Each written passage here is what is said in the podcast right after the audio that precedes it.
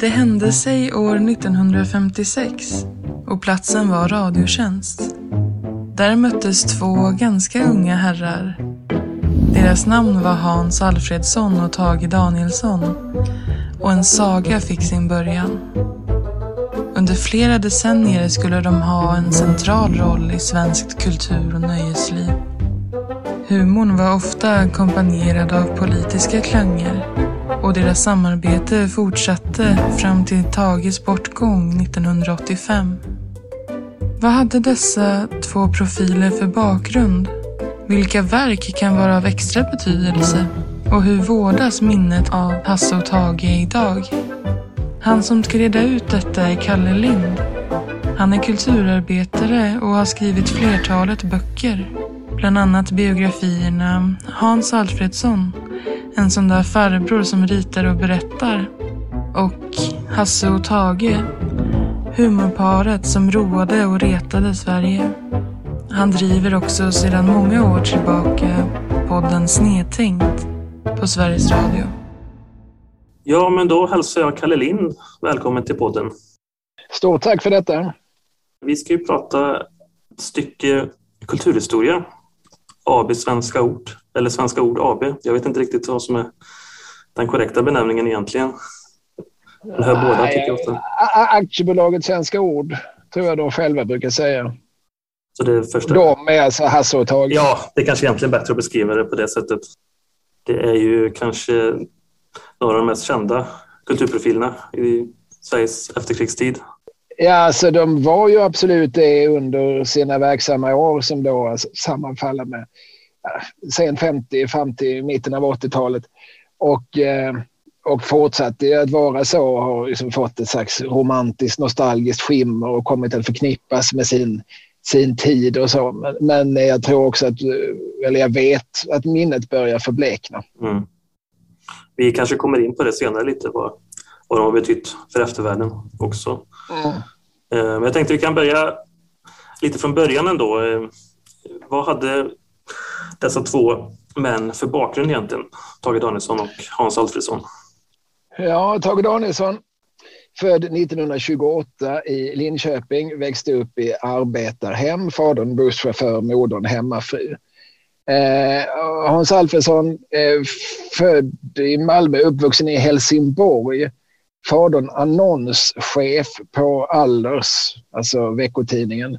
Och eh, gjorde, alltså, det kan man se på hur Hasse som barn bytte bostadsadress. Att det här ökar årsinkomsten rätt mycket. För, med, alltså det är väldigt expansiv, veckopressen är väldigt expansiv på 30-40-talen.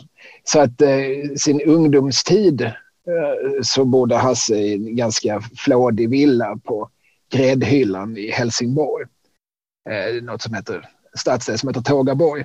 Så att han var ju medelklass. Slyngel. Tage var den första i sin släkt som, som tog studenten och eh, absolut den första som läste vidare på universitetet. Han var ett A-barn.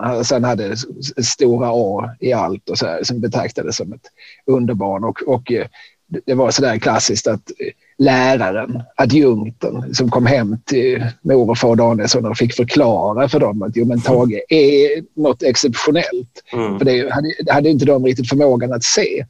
Alltså, de var nog väldigt älskande föräldrar men, men de hade liksom ingen erfarenhet. De visste inte vad, vad, universitetet var för något. Och så. Det var ingenting som hamnade på deras radar. I Hasses fall så var det nog mer liksom självklart att efter, efter studentexamen så tar man sig till Lund och, eh, och eh, läser vidare och blir något. Mm. Så Tage studerade i Uppsala, eh, Hasse i Lund och i bägge de här städerna så fanns det på 50-talet, liksom det finns nu, väldigt levande spex och tjo och kimliv. De hamnar i, båda två liksom, hamnar ganska fort i Eh, liksom, kärnan av respektive krets. Alltså det som heter juvenalorden i Uppsala och det som heter Lundaspexarna i Lund. Och eh, är väldigt flitiga med, med att liksom, skriva spex, revyer, kupletter, eh, redigera studenttidningar, eh, skriva rimmade tal, vara eh, liksom, på gång. Och båda två var för sig i varsin stad eh, hamnar sen på Radiotjänst som det hette, alltså Sveriges Radio, via annonser i respektive stads studenttidning. Tage ser en annons i Uppsala-tidningen Ergo. Hasse ser en annons i Lunda-tidningen Lundagård. Det vill säga radion sökte väldigt aktivt eh, människor med akademisk bakgrund till sin underhållningsavdelning på 50-talet. Och där eh, hamnar Tage 54 och eh, Hasse 56.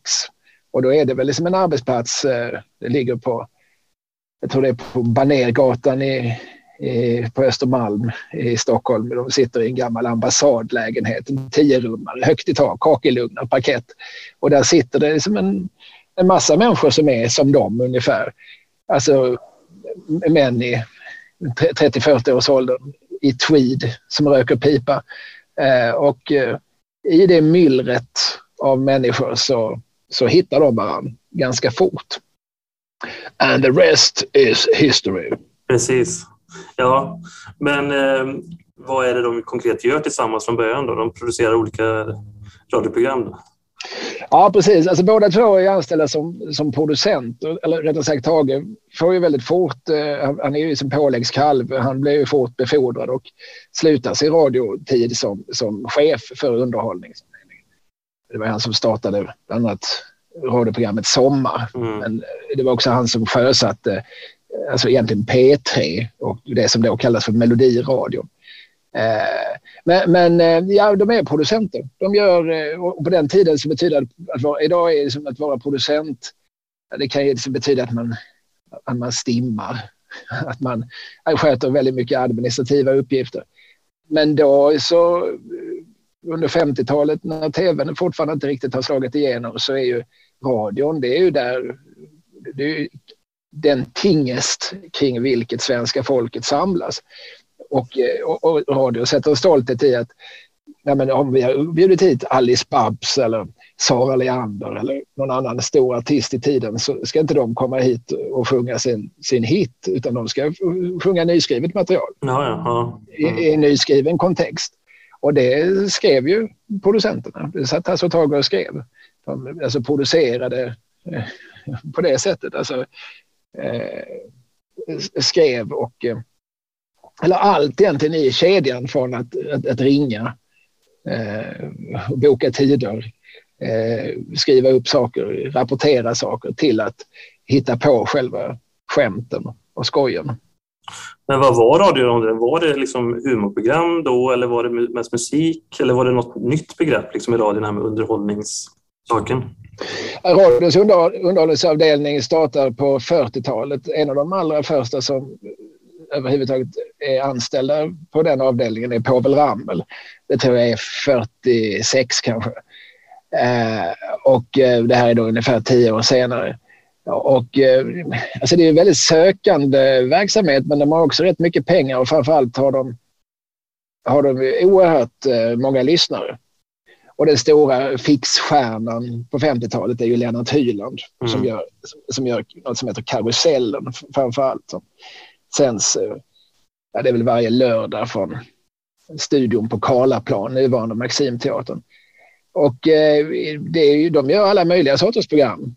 De kan göra rätt mycket vad de vill. Det första Hasse och Tage gör tillsammans, det gör de alltså på hösten 56. Och då har Hasse börjat i april. Eh, det heter Skillingsspelen och är väl, skulle man kunna säga, små minispex på en kvart. Då de jobbar ihop med en grupp som heter Flickery Flies med Britta Borg bland annat som, som tillhör liksom Povel Ramels revyensemble. Och, eh, och det är små, det är verkligen små minispex där de liksom letar upp instrumentalskivor från grammofonarkivet och sätter nya texter till. Som, som ju verkligen är en etablerad tradition inom studentspexvärlden. Men, men sen så, alltså de gör verkligen allt och skriver, Hasse skriver små deckarhistorier, gör frågesportprogram. Eh, något som heter Sveriges bilradio som var ett prat och musikprogram med en programledare, CG Hammarlund, som informera lite om trafikläget och, och varvat med lite grammofonskivor. Där satt Hasse och skrev hans manus, alltså ner på kommenteringsnivå. Jag tror det stod typ konstpaus inom parentes i manuset. Alltså det är på den, den nivån eh, som väldigt mycket görs. Och eh, mycket egna idéer men också mycket som läggs ut på dem. Att eh, det här och det här ska göras. Så det är väldigt, en väldigt produktiv eh, period kan man säga?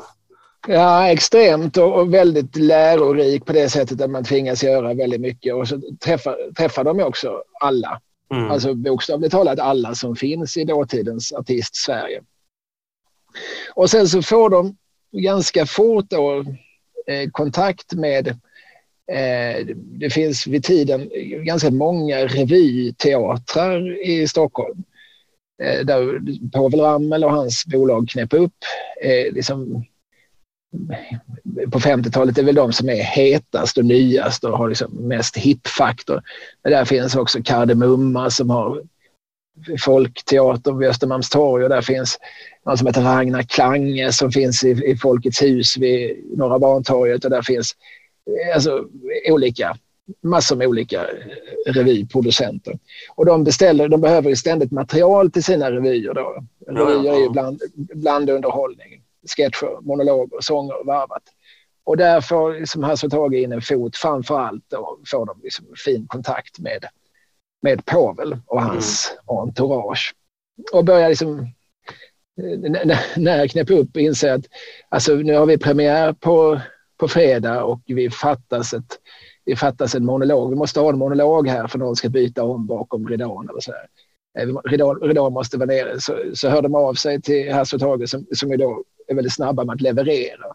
De, de eh, jobbar upp en, en hög produktionstakt. Och blir liksom, ja men de är pålitliga leverantörer. Så, så när Knäpp upp behöver grejer så, så finns Hasse och Tage där. Och de har då liksom också sinsemellan alldeles uppenbart etablerat en, en arbetsmetodik som, eh, som de sen höll fast vid. Som väl i korthet och väldigt hårdraget så till, såg ut så att, eh, att Hasse rökte väldigt många cigaretter och spånade och Tage bolmade mer eh, eftertänksamt på sin pipa och skrev ner Hasses bästa infall på skrivmaskinen. Effektivt Ungefär så. verkar det i alla fall ha varit. Ja, ja, ja nej, men alltså båda två Alltså de förenades ju på en massa punkter, även om de var väldigt olika sinsemellan. Så båda var liksom bildade män som, som läste litteraturvetenskap och, eh, och båda två eh, hade någon sorts humanistisk grundperspektiv och så. Här. Men inte minst förenades de i sin arbetsdisciplin. Båda två eh, trodde på eh, kontorstider och deadlines och eh, hög produktionstakt. Men vad skulle du säga var deras eh, liksom, stora genombrott på radion? Då? Man kan tala om ett sånt. Det kan man inte. Just på radion så, så ser det då ut så att eh, Tage försvinner lite grann. Han klättrar ju uppåt i, i hierarkin och flyttar in på direktionsrummet och kan inte vara särskilt hands-on i, i radioproduktionen.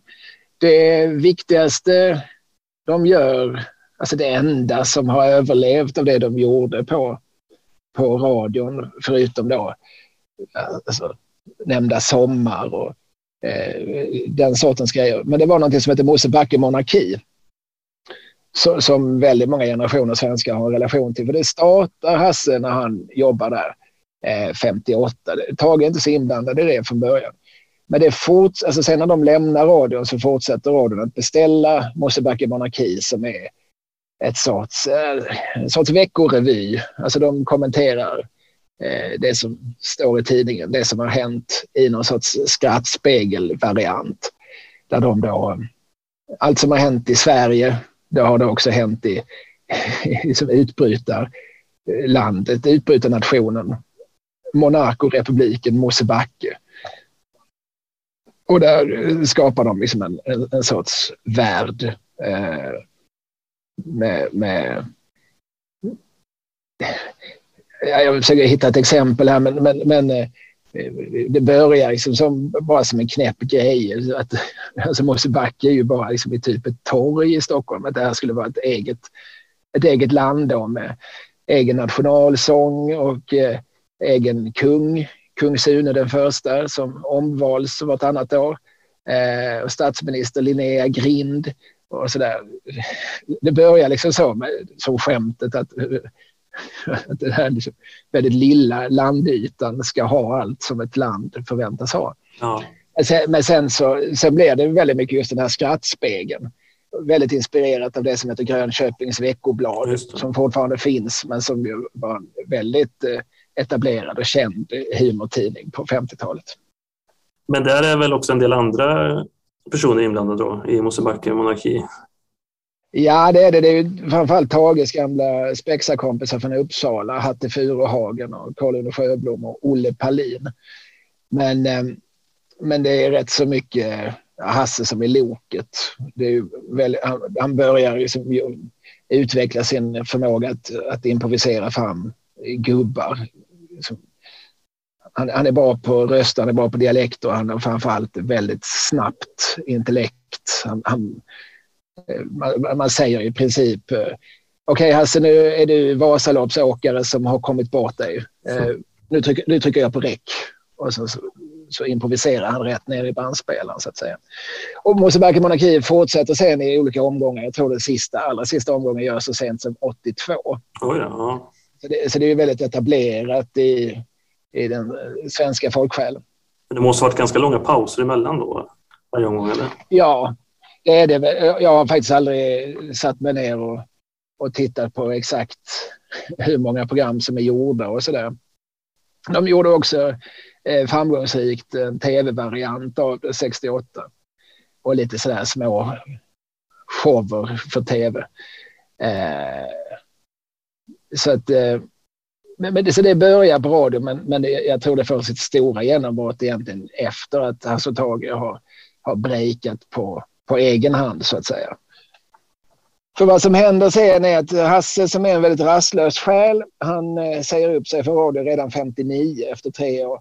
För då får han jobb på Knäpp upp som skådespelare. Eh, de inser att men den, här, den här roliga killen är kanske inte bara rolig när han hittar på saker utan också när han står på scen. Och eh, så, så, att han blir liksom en del av, av, av Povels revyensemble tillsammans med Britta Borg och Martin Ljung och sådana där figurer som farfar tyckte om. Eh, och, och, eh, och så behåller de då kontakten. Eh, och 61 så, så grundar Hasse och Tage då alltså aktiebolaget Svenska Ord Tage säger med viss tvekan upp sig. Alltså då är jag ju trots allt underhållningschef. Han har ju rätt mycket att förlora på detta. Men eh, han blev väl lite taggad. Han inser att eh, det kommer att hända mycket mer om jag sitter i en liten dragig stuga på Södermalm ihop med Hasse Alfredson än om jag sitter här liksom i tryggheten på Sveriges Radio. Eh, paradoxalt nog så är liksom friheten mycket större när man har mycket mindre administration. Mm. Klart. Men då ger de sig in på lite andra saker att göra då. Eh, vilket år är vi på nu? På 6, 59 sa du? Eh, ja, alltså 59 skriver de eh, sin första gemensamma helaftonsföreställning för Knäpp upp. Den heter Dr. Kotte slår till och det är där Hasse då debuterar också som skådis.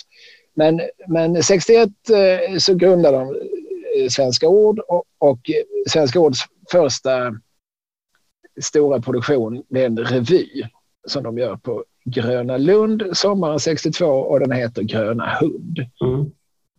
Eh, och det blev deras eh, stora genombrott. Det blev liksom aktiebolaget Svenska Ords stora genombrott. Då har de sammankallat en ganska ung ensemble med Monica Zetterlund, en fantastisk komediant som heter Lise Arland, eh, en radiokompis till dem som heter Lasse O Månsson som är mest känd för att han grundade tidningen Svenska Mad. Och så har de en jazztrio eh, som, som kompar dem. Eh, så, så, det här är liksom, de markerar på det sättet att det här är liksom lite eh, lite hippt. Ja. Eh, de flesta revyer hade ju inte liksom en så jazzbaserad musik utan det var mer kanske traditionell svensk eh, tretaktsschlager, så som det lät vid tiden. Och så gör de en föreställning då som är, som är ganska kort. Den är som en timme lång och, eh, men har fortfarande rätt många nummer, det vill säga att numren är kortare, effektivare. Och så spelar de två till tre gånger om dagen under hela sommaren i en ganska liksom, dragig eh, lokal på, på Gröna Lund-området. Och det, och det här är någonting nytt. Alltså, och det, det där kan man liksom alltid diskutera. Vad är detta nya då? Ja, precis. För med sig i ensemblen har de också en gubbe, som, eller gubbe, han var 40 år då, men, men han var liksom äldst i ensemblen och väldigt erfaren och han hette Millie Schmidt. Och han hade varit med oss Knäppa upp, han hade varit med oss något som heter Casino-revyn. Han har varit med, han har varit med överallt. Han har varit med hos Karl Gerhard. Han är liksom väldigt eh, erfaren, en riktig revyräv. Så de har ju honom där också. Va? Men annars är det som en ganska ung ensemble som sjunger låtar som är... Liksom, eh, de har snott melodierna då, eller lånat melodierna från så amerikanska jazzstandard. Sådana som Ella Fitzgerald och Frank Sinatra och sådär sjöng i original. Och, eh, och sen är det liksom lite rappare. Det är lite, kanske lite järvare. De, de närmar sig vissa ämnen som eh, många revydirektörer undviker.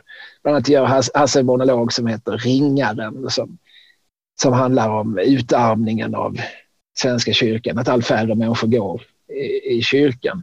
Vilket var rätt, en rätt känslig fråga i början på 60-talet. Då är Sverige fortfarande, liksom, vi har ju statskyrka och, och morgonbön i skolan och sådär. Eh, Sverige är ju mycket mer liksom, kyrkligt än vad vi kanske liksom kan föreställa oss idag 60 år senare. Och det, det orsakar viss eh, irritation när det numret sen tv-sänds och sådär. Det finns riksdagsmän som uttala sig att det här tycker inte jag borde ha fått sändas. Nej, så det ses som ganska kontroversiellt då ändå? På sina håll absolut. Alltså, och det är också lite, det märks inte så mycket i Gröna hund, men det märks, kommer ganska snart att märkas. Det är lite skabrösare, alltså mm. det är lite grövre, snuskigare material än vad som har varit eh, standard. Det här är ju 60-talet då, ett decennium då då ju allting går väldigt fort. Alltså, det är otroligt stor skillnad mellan åren 1960 och 1970. Mycket större skillnad än mellan åren 2010 2020, vågar jag tro. Jo, även om det är svårt att säga det om, om så nyss framlevd tid. Eh, och det kan man se på alltså när Hasse Tage har grundat aktiebolaget Svenska Ord så står de liksom i tweedkavajer med slips, kortklippta framför sin stuga tio år senare står de i väldigt liksom buskiga frisyrer, polisonger, manchesterkavajer, eh, blommiga skjortor, stora skjortsnibbar. Alltså de ser ju liksom tio år yngre ut. Ja, precis. Tio, tio år senare. Men det tänker jag mycket man ser exempel om man till exempel tar eh, Beatles och sånt också. Så är, det skiljer ju bilderna väldigt mycket åt bara på några år. Där de ser väldigt välkammade ut i början och sen långt skägg och eh, långhåriga bara några år senare.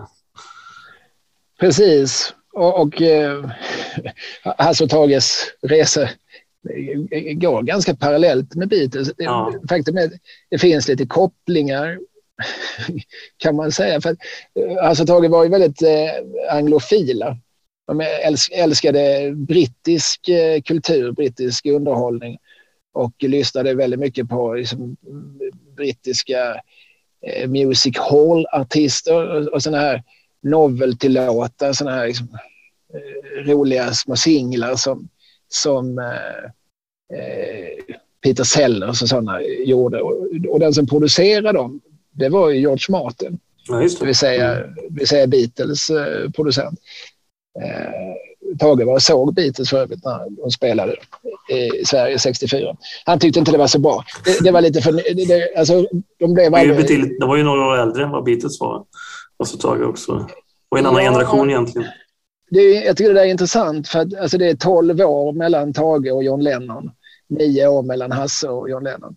Och det, det är där sker någonting. Mm. Det, det, det, finns en tydlig generationsmarkör. Hasse och Tage lämnade liksom aldrig jazzen. Nej. Det var det de hade i sig liksom livet ut. De blev aldrig riktigt vänner med rocken. De, de skojar lite grann med rock, de använder liksom rockelement men det är, men det är alltid som i skämtsammanhang.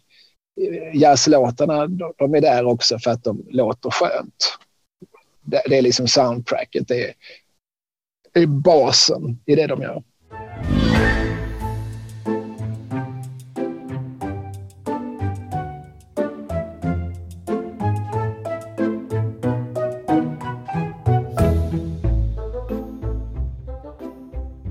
Men eh, hur togs det emot den här första revyn de skrev? Var det, fick de bra recensioner?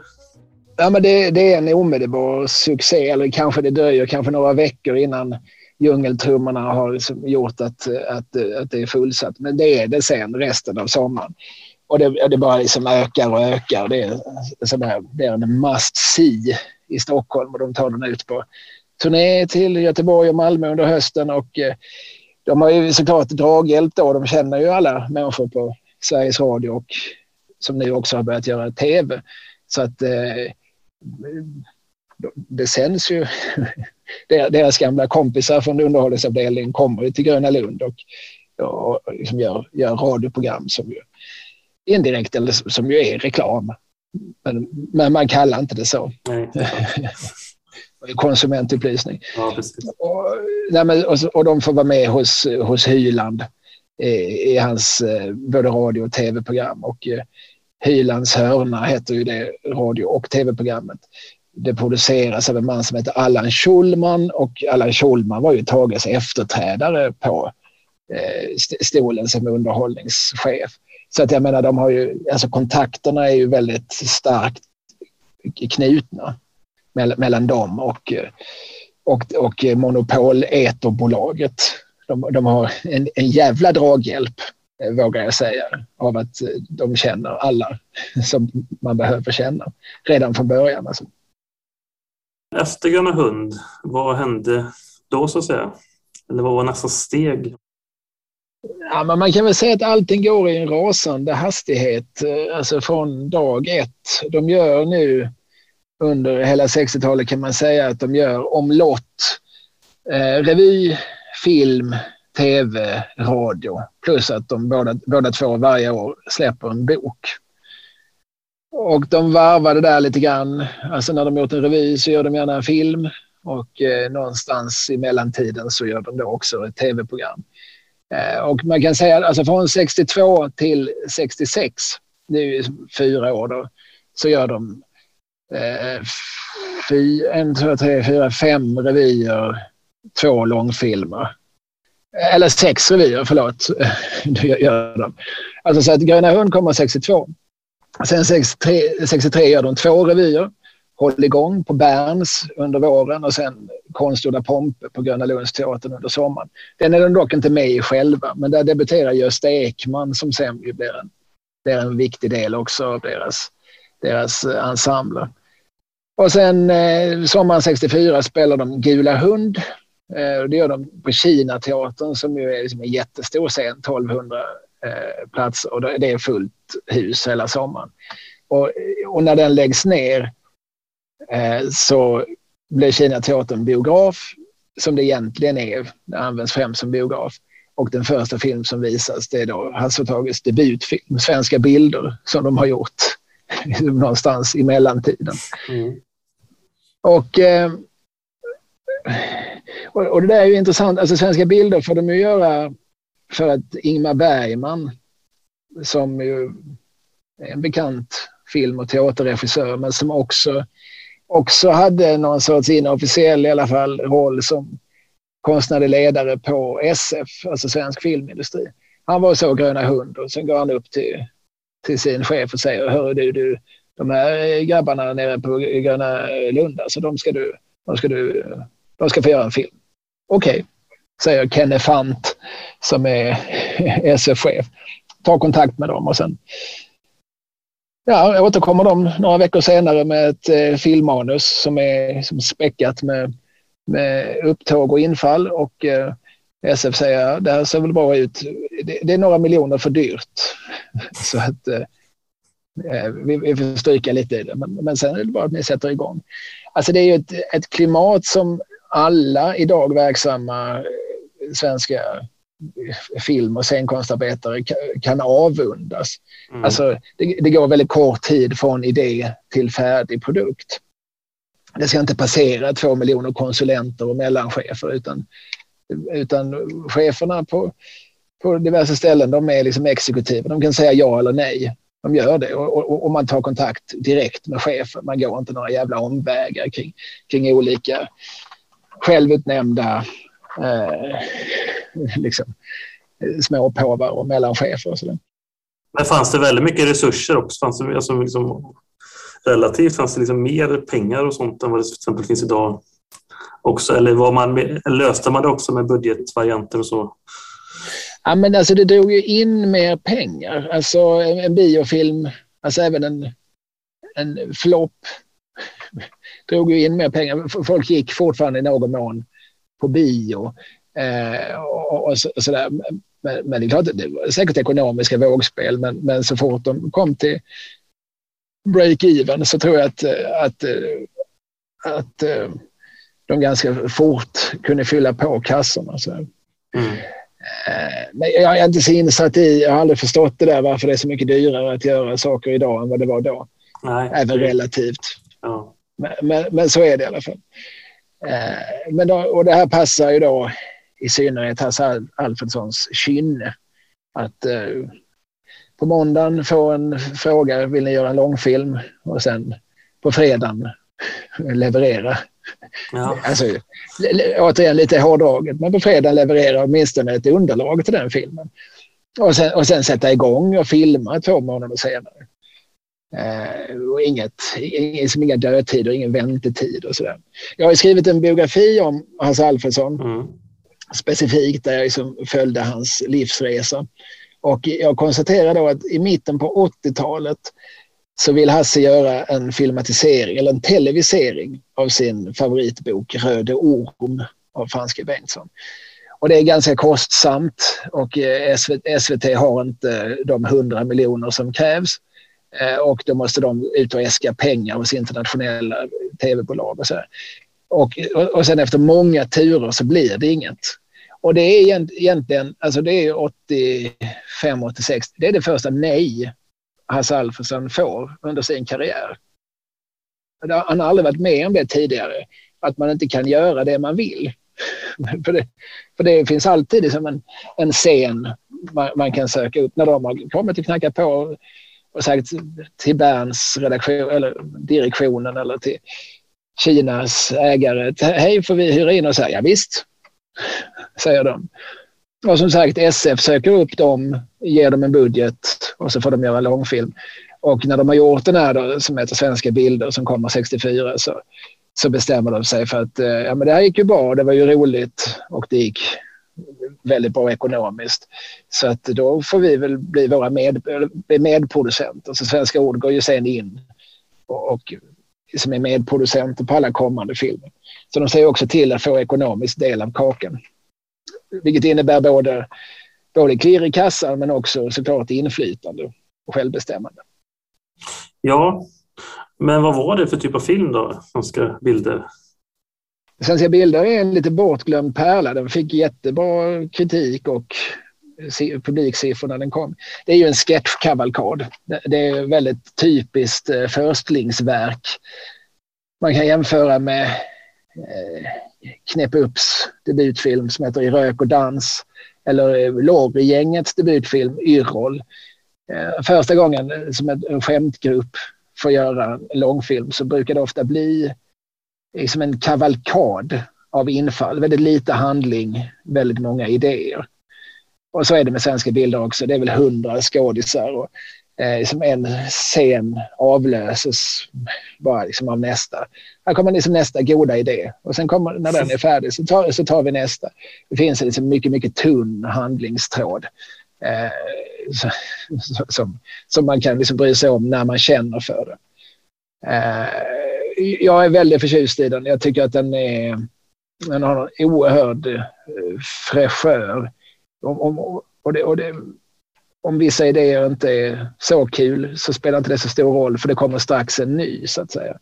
Och det är kul att sitta och titta på. Hela, eh, det är alla dåtidens eh, kändisar som verkligen bara svischar förbi.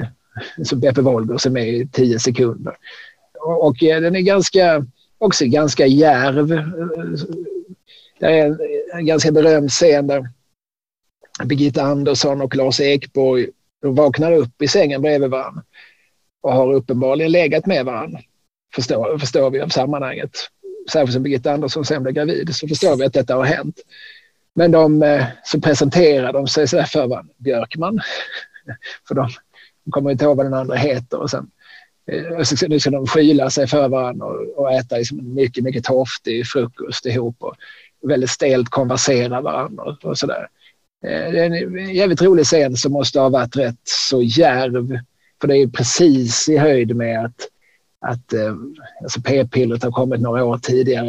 Eh, de säger till liksom, det är ju inte filmarna som skambelägger utan, utan det roliga är ju, är ju rollkaraktärernas skam inför detta. Men man erkänner de här filmen erkänner att eh, sådana här tillfälliga sexuella förbindelser det är någonting som förekommer i, i samhället och eh, eh så, så, så, driver de med, med, med, med detta. Liksom. Men de, de tar upp den här sortens ämnen som bara några år tidigare har varit helt tabu. I, framförallt i humor. Humorn är alltid senast. Sen, alltså, det börjar alltid med de tunga dramerna. De får alltid liksom carte blanche och ta upp de, de svåra ämnena först. Det tar alltid längre tid innan innan humorn kan släppa in vissa ämnen. Varför är det så då, tror du? Ja, det, det, är för att vi som mänsklighet har någon sorts idé om att humor ska vara liksom lättsmält. Mm. Eh, humor ska inte stöta. Humor ska vara någonting för alla. Humor ska vara någonting man kan ta med barnen på. Alltså vi, har, vi har rätt mycket sådana idéer om eh, vi, vi blir alltid mycket, mycket mer upprörda över grova skämt än om man tar upp samma saker i, i, i drama eller i, eller i journalistik. Och så är det ju fortfarande. Pedofili kan man ju ta upp i, i true crime-poddar eller man kan göra liksom hur många Beck-filmer som helst som handlar om barnporr och så. Men, men sjunger några skämtrappare om att knulla barn så, så blir det ju liksom moralpanik. Vi, vi, vi klarar inte av, alltså man får inte skoja om saker. Eh, humorn har fortfarande liksom inte samma rättigheter som andra konstarter. Det blir någon slags clash där och, mellan det allvarliga och det roliga som vi kanske inte riktigt hanterar i stunden men kanske successivt ändå då eftersom saker blir ju ändå accepterade ofta med, med tiden delvis. För det blir alltid förskjutning vad som är förbjudet känns det som. Så är det ju. Sen har vi liksom svårt att förstå att liksom all humor i alla tider har alltid utmanat tabun. Mm. Annars blir det liksom inte humor. Alltså det, blir inte, det är inte skoj om man inte någonstans eh, liksom utmanar ett tabu i tiden. Men sen så ändras ju de tabuna. Eh, alltså i, om man tittar på gamla lustspel och sådär från tidigt 1900-tal så handlar de nästan alltid om att en gift man har ett barn på bygden. Det ansågs som oerhört pikant. Det, för det innebär, innebär ju att han inte har varit gift när han har liksom jufsat med, med någon donna. Eh, det, det har liksom helt försvunnit den aspekten när man sätter upp sådana lustspel idag. Det, det, det har, så ser det ju ut. Det är ju inget konstigt att människor inte är gifta och ändå mm. har sexuella förbindelser. Men det, det var ju enormt eh, skambelagt vid tiden. Så, så, att, så att samhällstabuna ändras och därmed blir ju humorn också liksom mindre stötande med tiden. Men, men, det, men all humor, alltså hur liksom lättsmält och hur liksom, populistisk eller hur bred den än är. Det handlar ju ändå om att säga liksom vissa förbjudna saker eller liksom att peta på vissa förbjudna ämnen för annars blir det liksom inte kul. Mm. Det, annars så uppstår det liksom inget skämt. Skämtet uppstår ju någonstans i, i att eh, någonting händer som inte riktigt ska hända. Detta. En snippa. Den mot vagas. Bo Cavefors. Nu ska vi hitta på en provokation. Har du något förslag till provokation? Nej. Ja. Ja. Nej, vi sätter ut en haschplanta utanför polishuset. Ja, det är en bra. Det blir en provokation. Så ringer vi polisen efteråt. Det är inte en provokation. Provokation blir det om man gör vad man vill och vad man anser sig bör göra. Öppet och ohämmat. Och stöter du på motstånd så är det en provokation. Samtidigt som eh, Hasse och Tage gjorde filmer och revyer och annat så hade de också de ganska mycket egna produktioner var för sig också. Skrev böcker och, och sådana saker. Ja, till att börja med under de första åren så är det väldigt mycket de två. Alltså de pratar nästan alltid om ett vi i intervjuer och sådär. Och de, de använder ju aldrig beteckningen Hasse och Tage utan de skriver ju svenska ord författarfirma, svenska ord. Men mycket riktigt, alltså redan Hasse ger ut sin första egna bok 61 och Tage ger ut sin första 63. Så att eh, de vilar sig lite grann ifrån varann. Eh, samtidigt som de idag har varsin familj som bara som väx, växer i antal. Eh, men sen successivt, och det skulle jag säga att eh, det 72 gör Tage sin första egna långfilm. Ja, 69 gör han faktiskt också julkalendern, Herkules Jonsson, som Hasse inte alls är inblandad i. Så att ja, då och då så tar de liksom lite semester ifrån varandra. Och de semestrarna blir, de blir allt längre med tiden. Alltså på 70-talet så kan det dröja liksom två, tre år mellan Hasse och Tage-produktionerna. Ja. Och det gör de massor på egen hand i mellantiden. Eh, men de är väldigt trygga med varandra på det sättet att eh, ja, men, eh, vi kommer tillbaka till varandra. Men nu så är vi ute på varsitt håll och utforskar Hasse hade ju engagerade sig mycket oftare som skådespelare i andras filmer och scensammanhang.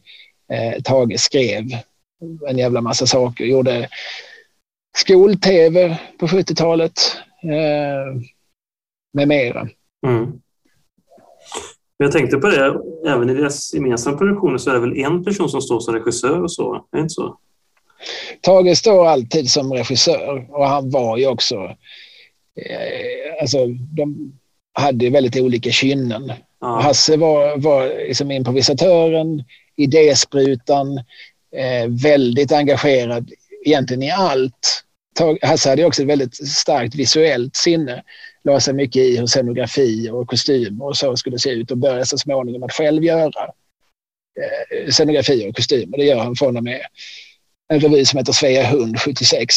Eh, och ja, man det är liksom all over the place. Pilla lite här, pilla lite där.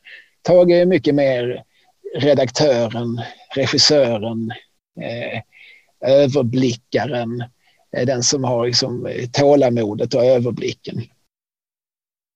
Så, så de, de kompletterar ju varandra oerhört väl. De var ju de första att säga att, att de var oerhört olika som, som människotyper. Helt olika sorters dragningskraft. Men, men någonstans så, så är de pusselbitar. Ja, men det är kanske det som succén bygger på också, att de är olika karaktärer. Ja, ja men i, i någon mån i alla fall. Eh, alltså både på och av scen så att säga till de mest berömda eh, som alltså Hasse Tage-inslagen finns ju de här så kallade Lindemann-dialogerna som alltså var helt improviserade. Eh, Hasse, eller det börjar ju då med att Tage presenterar någon aktuell tidningsnotis för publiken och apropå det så har vi bjudit in brandman eller punkrockare eller fotbollstränare eller eh, lärare Lindeman.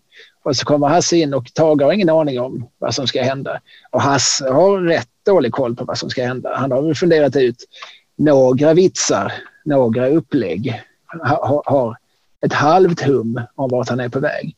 Men han börjar liksom prata på någon dialekt som man ofta någonstans på halva vägen tappar bort. Mm.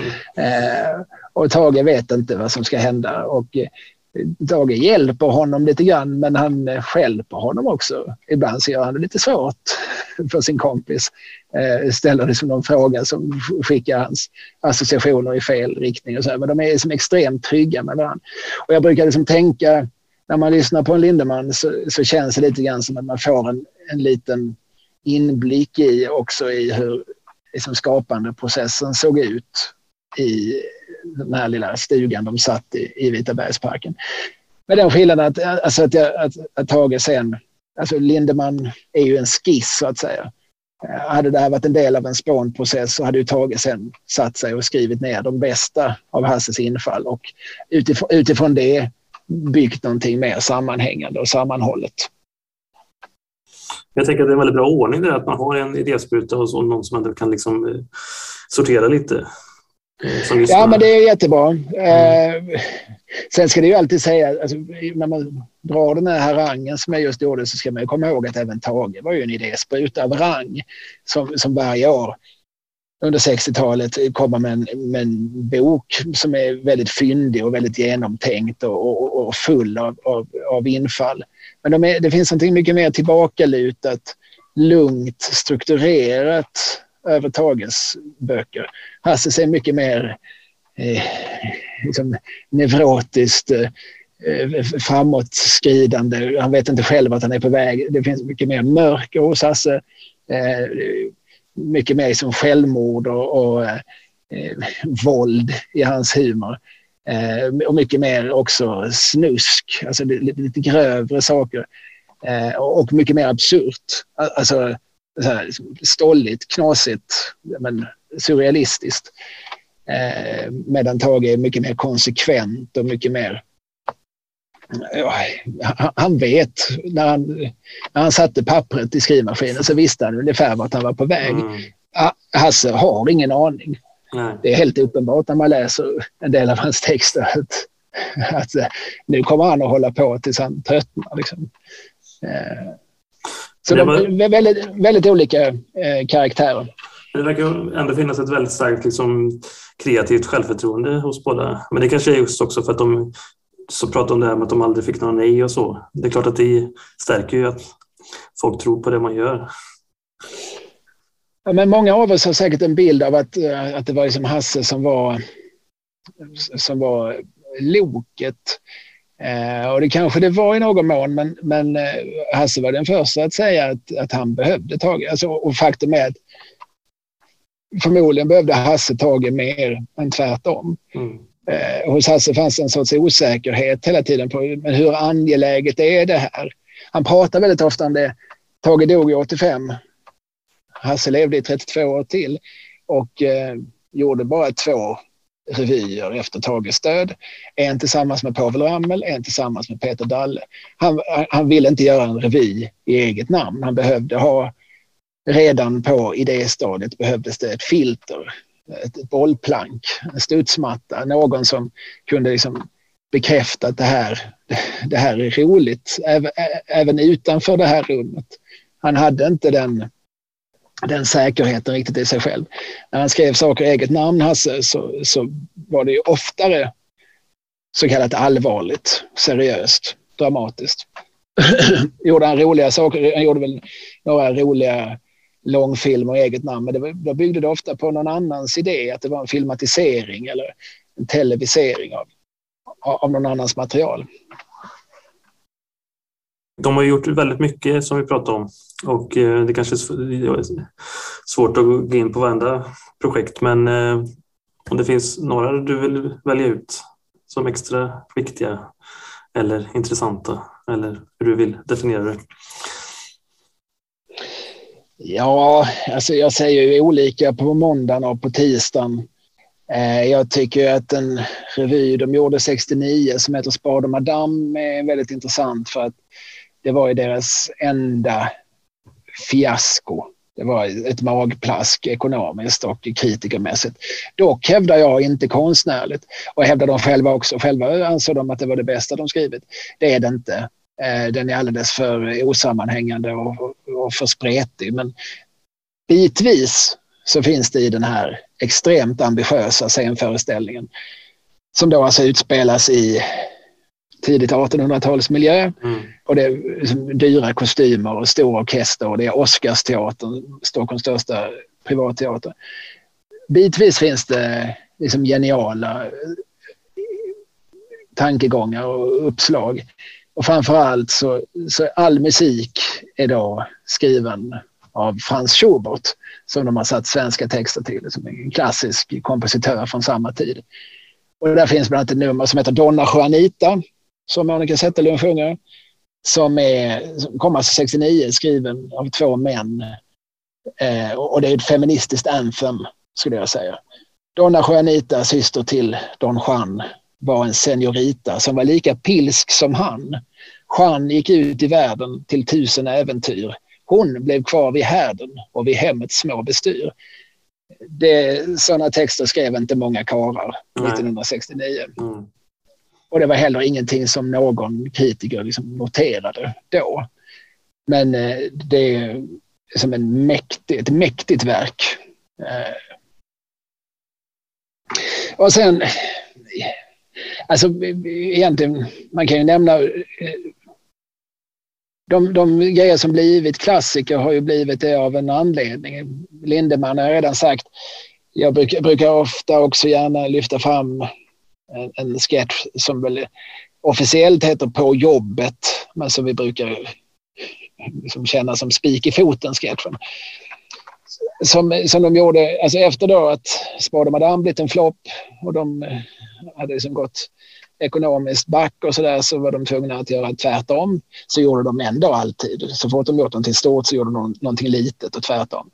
Men, eh, men då är det, gör de en revy som heter 88-årsrevyn. Det är bara de två och deras pianist Gunnar Svensson på en liten eh, liksom, eh, lunchrestaurang nere i Värtahamnen, liksom långt från, från, från stadskärnan. Och den, den, är helt genial från början till slut och det bygger mycket på att, på att det bara är de två och, och, att de får väldigt mycket plats för varandra och för utbytet mellan varandra. Och i det här numret då där de uppenbarligen då är arbetskamrater och det, och så, det börjar med att Tage frågar Vill du ha en kopp kaffe av mig? Jag har gott om kaffe idag. Och sen börjar liksom Hasse skälla. Vadå gott om kaffe? Du ska inte komma här och snacka om gott om kaffe. I Brasilien du, där exporterar de 150 ton kaffe om dagen. Där kan man prata om gott om kaffe. och sen fortsätter den så här, liksom, Tage har liksom bara stickrepliker som, som, som blir liksom en anledning för Hasse att ytterligare liksom hetsa upp sig. Tage berättar ju om att han fått en spik i foten på bygget i morse. Spik i foten du. Under franska revolutionen du, då högg de adelsmännens huvuden av som limpskivor. Tjoff, tjoff, tjoff. Mm. De hade varit jävligt glada om de hade haft en spik i foten. Och det är fruktansvärt roligt för vi får aldrig liksom förstå var, varför är han så upprörd? Och, och Tage, I genialiteten ingår att Tage säger ingenting provokativt utan tvärtom. Nej. Tvärtom är han ju liksom helt rimlig i allt han säger. Det är bara reaktionen som är knäpp. Och, och, och liksom Hasses exempel blir ju allt mer liksom, eh, absurda. Och, och, så får man också se det som Hasse Alfredson när han jobbar upp en sån här riktigt liksom, aggressiv, manisk energi.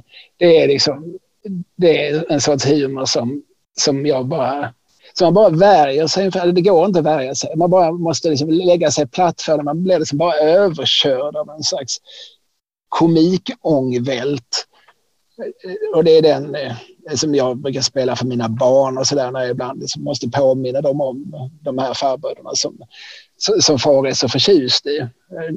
Nu ska ni förstå varför. Ni, glömmer inte bort det här pojkar. Mm. Att eh, roligare än så här blir det aldrig. Nej. Och det vill jag nog tro att de håller med mig lite om. Eh, kanske inte att det är det roligaste som finns, men att det är roligt. Det köper de. Nej, men just den känns ju väldigt odödlig ändå. På något sätt. Ja, den är alltså relativt tidlös. Där är liksom lite referenser till Roger Moore ja. som kanske inte dagens unga har koll på vem han var. Men, men själva principen fattar man. Absolut. Men generellt, alltså. Sen tycker jag ju att deras filmer är som de flesta komedier är ojämna, men där finns ju också liksom geniala tankegångar och eh, både i Äppelkriget och Picassos äventyr. Eh, saker som är som ingen annan hade kunnat göra. Genialiteten hos Hasse Tage tycker jag är att, att det finns både och. Va? Picassos äventyr är på ett vis som en, det är en kavalkadfilm som handlar om 1900-talet, 1900-talets eh, politiska utveckling, om konstscenen. Det finns liksom referenser till Gertrude Stein och Guillaume Apollinaire, liksom gamla 20-talsmodernister. Samtidigt som liksom, det är en hel scen som bara består av en ballett som ätit för mycket blomkål och som sen pr pruttar alltså fem, fem, sex minuter. Liksom, vuxna karlar ägnar tid och energi. Liksom, det är en massa filmtricks. och de har ju också återskapat en av Picassos liksom, autentiska balletter som han gjorde. Eh, hela liksom, dekoren och, och scenografin. Allt för att ha det här liksom, pruttskämtet. Och det är liksom, där är genialiteten. Alltså, de spänner hela vägen mellan Gertrude Stein och Prutt. Eh, och, så är ju också deras revyer. Alltså att folk kan, kan liksom lyfta fram sådär Harrisburg-monologen, Tages sannolikhetsmonolog, som ju är liksom genial.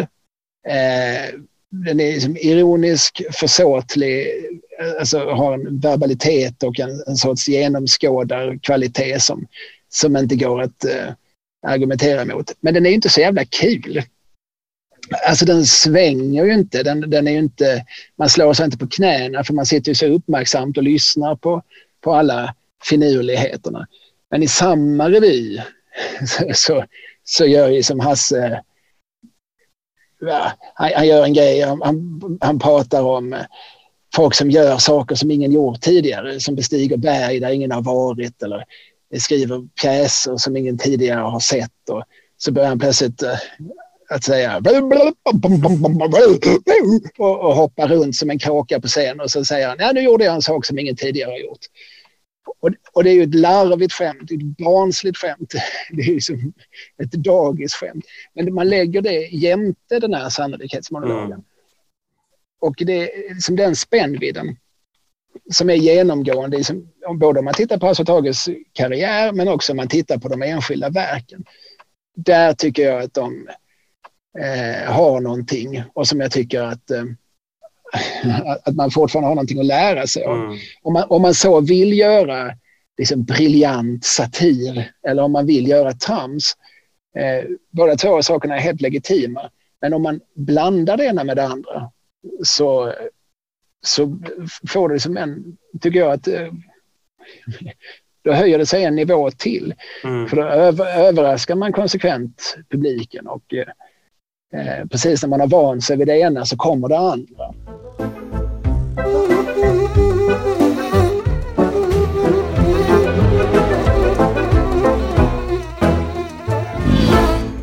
Men hur upplever du idag liksom minnet av, eller arvet av Hasse Tage? Jag är runt ganska mycket och pratar om dem. Jag har skrivit en biografi om Hasse och en biografi eller en sorts eh, essäsamling om Hasse och Tage. Och eh, får ganska ofta förfrågan från olika bibliotek eller det kan vara ibland olika pensionärsföreningar eller, eller sådär. Så jag träffar rätt mycket folk som lyssnar på, på det här och de, det är ju, snittåldern är ju hög. Mm. Så är det ju. Men där finns också unga. Och eh, och, så, och då får den väl vara hög då. Men då kanske det är så ändå att de här människorna som, när jag står och, och talar för de redan invigda, de som själva minns alltså tag så här, då blir de ju påminda och så går, går de hem och berättar för barnbarnen. Alltså, nej, minnet håller på att förblekna, men kärleken är intakt. Mm. Så skulle jag nog säga. Så det handlar ju lite om att att, att de som faktiskt kan minnas, att de fortsätter att minnas, att vi fyller i deras minne lite. Ja, och det är det som är problemet. Längre fram kan det ju bli om inte så att säga minnet finns kvar. Ja, och så är det ju. Alltså, ja, Rom föll en gång eh, och, och, Ottomanska riket. För, ingenting varar för evigt. Eh, och det kanske inte finns något eh, egenvärde i att det gör det heller. Mm.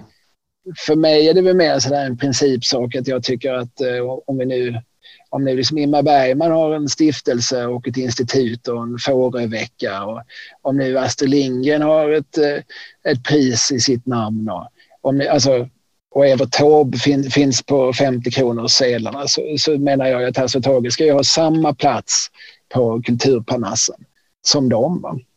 Men känner du att de inte har det riktigt eller? Eh, ja, både och. Och framförallt så, så ska man inte ta det för givet att de har det. Alltså vi måste, det, är liksom, det är ju en uppgift vi som, vi som minns har att, att komma ihåg dem. Mm. Det är ingenting som sköts av sig självt.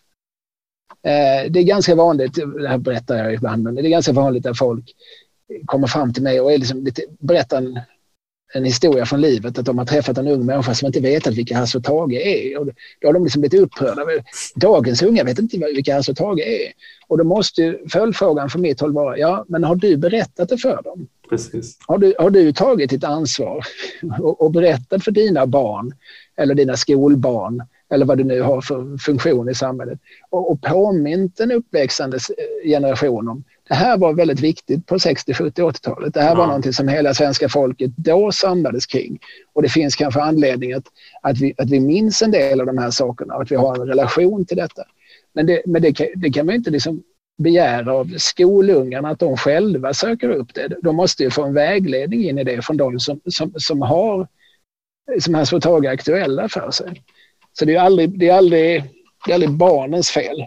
Det är alltid eh, det är alltid 40-talisternas fel. Ja. Men eh, om man ser lite på, slutet av deras så säga, eh, samarbete. De, som du sa, de slutar ju aldrig riktigt samarbeta men de har liksom pauser. Eh, mm. Och sen dör ju Tage då, 85. Precis. Som sagt, det,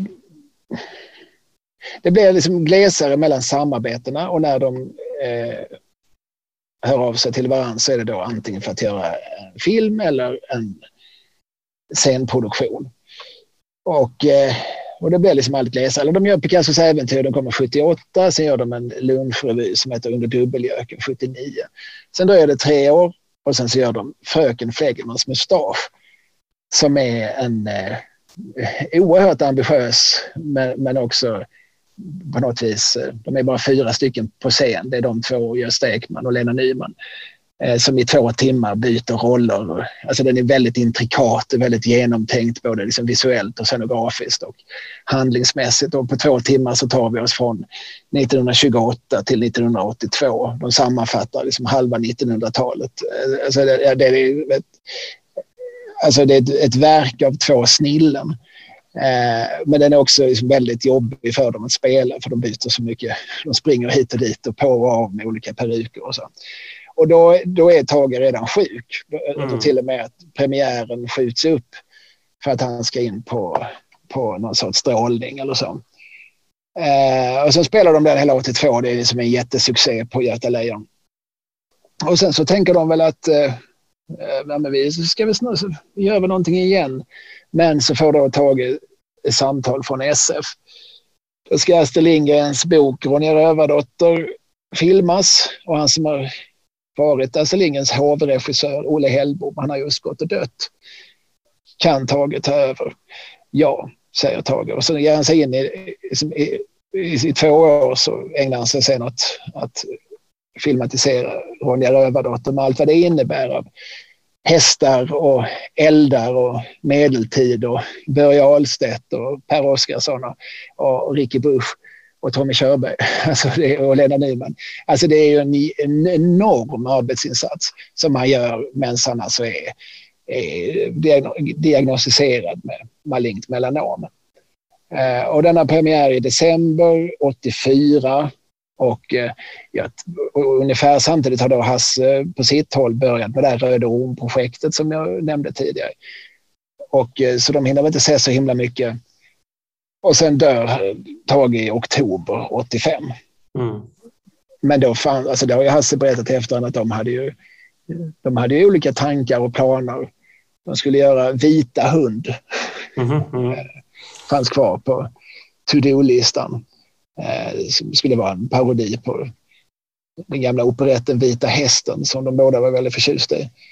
Det gjorde, gjorde Hasse så småningom med Povel istället som blå Vita hästen. Mm, mm. Men eh, så att nej, Fröken Fleggmans mustasch blev ju liksom det sista de gör tillsammans. Men, men det finns nästan som att det, eller det ser nästan ut som det finns en tanke just för att den föreställningen den sammanfattar på något vis inte bara Hasse Tages liv, för den utspelar sig då mellan 28 när Tage föddes och 82 när pjäsen spelas.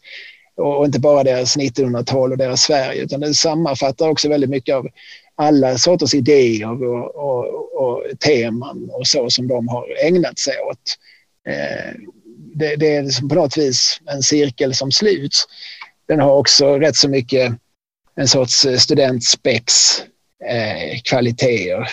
Alltså det vill säga den mylla som de bägge sprang i. det, det känns som ett väldigt värdigt avslut på något vis. En säck som knyts ihop.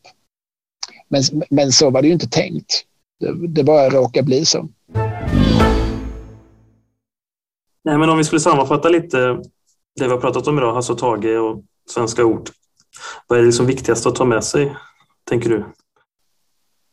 Ja, här kan man ju välja att vara liksom lite pretentiös, men, men jag, jag, jag pratar om det här med att även vi som är verksamma idag, vi kanske inte måste tycka att allt de gjorde var så jävla roligt, men man kan fortfarande lära sig just det här blandningen. Att kasta sig mellan mm. det höga och det låga, det larviga och det, det satiriska, det, det smarta och det dumma.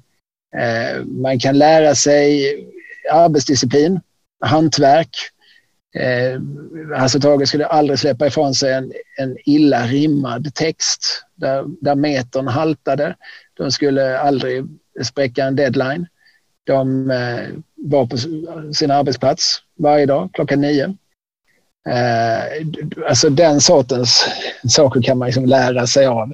Eh, produktivitet att, och att tänka tvärtom. De, de satte ju en ära i att inte återupprepa gamla succéer. Gjorde man, fick man en succé med, med, med Svenska bilder som då har liksom 100 statistroller eller 100 huvudroller om man så vill och, och, och liksom 50 inspelningsplatser. Nej, men då gör man nästa film. Då gör man att han gör en brygga. Det är nio personer i hela filmen och så är det två spelplatser, en ö och en båt. Och så är det, gör man tvärtom. Man gör alltid tvärtom. Nästa film man gör det blir en tecknad film i huvudet på en gammal gubbe. Och så här, det, det, där är någonting som, som jag verkligen har försökt eh, ta till mig. Man, man ska liksom inte sitta och, och upprepa sig för mycket. Man ska försöka ligga steget före publiken. Mm. Det gör ju att publiken ibland blir besviken. Det hände med det Spad och Madame. Folk blev tagna på sängen. Det här var inte alls vad vi förväntat oss. Men i efterhand framstår ju som Hasse Tage som, som eh, någon slags moraliska vinnare. De, de, de gjorde vad som inte förväntades av dem. Det kan man absolut ta till sig. Sen så finns det ju liksom ett humanistiskt och socialt patos som, som genomsyrar hela deras produktion utan att eh, därmed göra det särskilt präktigt. Man kan liksom, det kan man också kombinera en, en sorts eh, hjärta och en sorts värme med, med, med liksom stoj och, och, och vansinne. Det går, det går att göra, det, det tycker jag är någonting vi kan... Man måste liksom inte vara vara rå bara för att man tar upp de råa ämnena. Man kan tvärtom kanske liksom gömma hästskon i en silkesvante. Mm. Det är plus att då enskilda nummer, Donna Juanita eller Rosens sång som Monica Zetterlund gör eller Spik i foten-sketchen eller eh, det som kallas för zigenarnumret. Det kan ju låta lite daterat men, och det är det delvis, men, men delvis inte. Eh, eller Picassos äventyrfilmer eller Fröken Flegmans mustasch. Alltså det finns massor med enskildheter. Jag åker runt ibland eh, ihop med en liten, en liten kombo. Mimmi Terry som sjunger och så en jazztrio som spelar. Ja, jag, jag, har sett det. Jag har sett det en gång här i Linköping. Faktiskt. Ja, ja, så pass. Ja. eh, och då pratar jag, alltså dels läser jag lite av, av Hasses och särskilt Tages texter, men, men eh, framförallt så pratar jag om min relation till dem. Mm. Och sen så sjunger Mimmi de här låtarna. Och det är ju låt, alltså jag, jag tycker mig Alltså min bild är att det här är en sorts musik som alla gillar. Även om man inte lyssnar på det till vardags, även om man hör det för första gången, även om man inte har någon relation till det, så är den här blandningen av melodi, smarta texter och ett visst sväng. Det är någonting som det är ingen, ingen ogillar det. Mm. det. Det är väldigt, väldigt lättillgängligt. Stetsonhatt eller öl eller alltså det är jävla bra låtar. Jävla bra låtar är det. Men en sorts eh, evig kvalitet. Jag tänker även liksom progressiviteten som vi pratade lite om det här med att bryta tabun och feminism och andra politiska eh, dimensioner eh, och samhällskritiska inslag skildrar ju också den tiden, verkar det ganska bra ur ett liksom bredare perspektiv också. Ja men absolut, vill man förstå svenskt 60-70-tal så finns det ju ingen bättre guide än aktiebolaget Svenska Ord. För de, de, de står ju mitt i tiden. De, de är ju i någon mån de går ju i bräschen men samtidigt är de ju då kommentatorer och iakttagare. Eh, och allt som händer runt omkring dem sugs ju upp i deras ständigt pågående produktionsmaskineri. Så där finns ju massor att lära. Jag, jag tycker mig ha ganska bra koll på samhällsförändringarna från andra världskrigets slut till åtminstone millennieskiftet och det är ju väldigt mycket tack vare Hasse och Tage. Mm. Eh, som jag liksom känner till liksom kulturradikaliseringen och sexliberalismen på 60-talet, som jag känner till miljörörelsen på 70-talet, som jag känner till eh, liksom, nyliberalismens intåg på 80-talet och sådär. Det, det är, på det viset så är det, och det är en rolig lärobok, en rolig historiebok. Ja, ja, precis. Den bästa kanske då, på ett sätt. Ja, alltså på ett vis så, så är de ju alltså absolut den roligaste. Att, sen kräver det ju att du sen sätter dig vid Wikipedia för, för, för, att förstå vad du just skrattat åt. Ja, just det. Men det, för mig har det varit ett sant nöje. Det är vad jag har gjort de senaste 40 åren. Först har jag lyssnat på en Hasse Tage-skiva och sen har jag ägnat mycket tid åt att förstå vad det var som var så kul. Mm. Men det låter ju som det optimala upplägget för att lära sig uh, om ja, historia. För mig har det varit exempel. Men eh, jag tänkte en sista fråga. Den blir lite, det är här inne i historiepodd, men den blir lite kontrafaktisk ändå. Eh, vilket kanske inte historiker ska syssla med. Men vi pratade om att Hasse fick leva 32 år till efter Tage. Mm. Om de hade fått leva 32 eller 30 år tillsammans, hur tror du, hade de fortsatt samarbetet över åren? Det tror jag att de hade gjort. Eh, jag tror att de hade blivit faktiskt allt mer irrelevanta. De hade nog eh, faktiskt eh, stått inför alltså ett antal lite motiga år där de skulle betraktas som ganska utdaterade. För så, alla det, så har det varit för alla deras föregångare. Så var det för Povel Ramel, så var det för Karl Gerhard. Eh, det, skulle, det skulle ske att, att, en, att en ung generation skulle på något vis vända sig ifrån dem. Eh, men eh, men eh, de hade med stor sannolikhet fortsatt att träffas sådär vartannat, var tredje år mm. för att gör, göra någonting nytt. Och med tiden så tror jag att de också hade vunnit, vunnit tillbaka både folk som lämnat dem och en ny generation. För så blir det också med tiden. Va? Alltså att du, på sikt så blir du som en institution. Mm. Eh, som, som då allt fler människor känner att jag kanske måste gå och se dem nu för det här kanske är sista gången. Eh, men eh, vad vi kan veta är att Hasse Alfredsson sista 32 år hade varit eh, lyckligare. Mm. Han blev en rätt så märkt man efter Tages bortgång. Han hämtade sig aldrig ordentligt från det. Varken, varken tror jag mänskligt eller konstnärligt. Mm. Ja, men med de orden får jag tacka dig, Kalin, för medverkan i podden. Stort tack för att jag fick vara med. Du har hört ett avsnitt av Moderna Tider. Gäst var Kalle Lind. Programledare Stefan Hjalmarsson. Speaker Matilda Säv. This is uh, edited by a company called uh, Radio Malland.